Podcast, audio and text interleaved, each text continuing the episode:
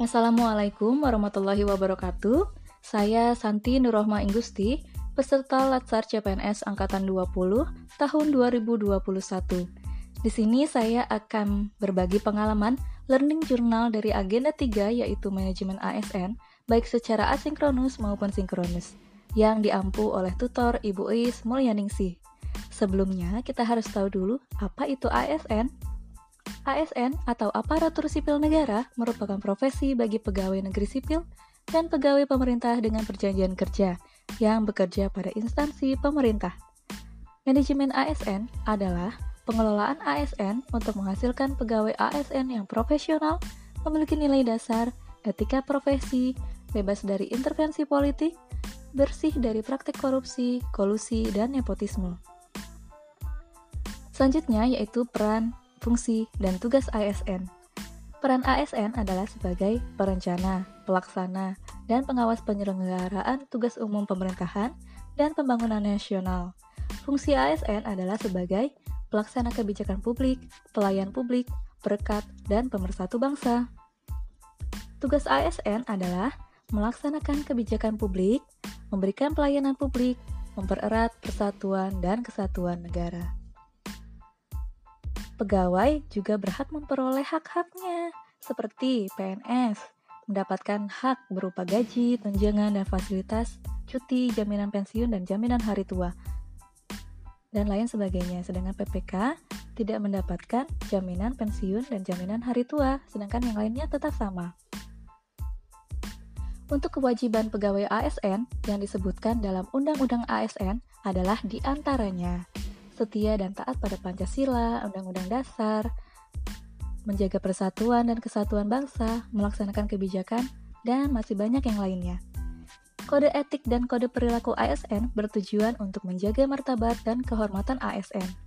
Untuk kode etik dan kode perilaku di antaranya, melaksanakan tugas dengan jujur, bertanggung jawab, dan berintegritas tinggi, melaksanakan tugasnya dengan cermat dan disiplin, melayani dengan sikap hormat, sopan, dan tanpa tekanan. Fungsi kode etik adalah sebagai pedoman, panduan birokrasi, serta sebagai standar penilaian, sifat perilaku, dan tindakan birokrasi publik. Sistem merit adalah kebijakan dan manajemen ASN yang berdasarkan pada kualifikasi, kompetensi, dan kinerja secara adil dan wajar, dengan tanpa membedakan latar belakang, politik, ras, warna kulit, dan lain sebagainya. Nah, prinsipnya adalah keadilan, objektivitas, dan berbasis pada kinerja. Pelaksanaannya yaitu dari penyusunan dan penetapan berdasarkan kebutuhan, kemudian penilaian kinerja, serta pengembangan kompetensi, promosi, mutasi, dan pemberhentian. Pegawai ASN dapat menjadi pejabat negara.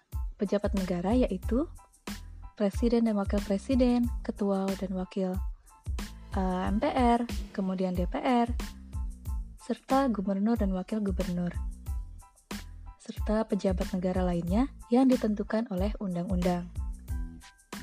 Organisasi Pegawai ASN berhimpun dalam wadah korps pegawai ASN yaitu Korps Profesi Pegawai ASN Republik Indonesia yang memiliki tujuan menjaga kode etik profesi dan standar pelayanan profesi ASN, mewujudkan jiwa Korps ASN sebagai pemersatu bangsa.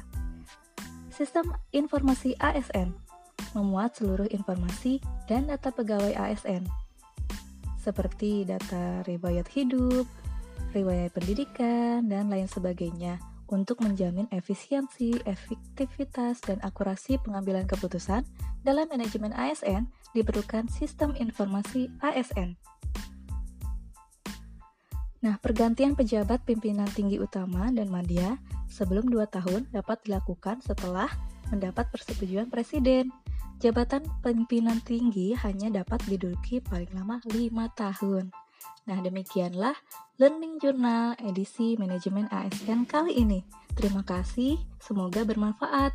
Wassalamualaikum warahmatullahi wabarakatuh.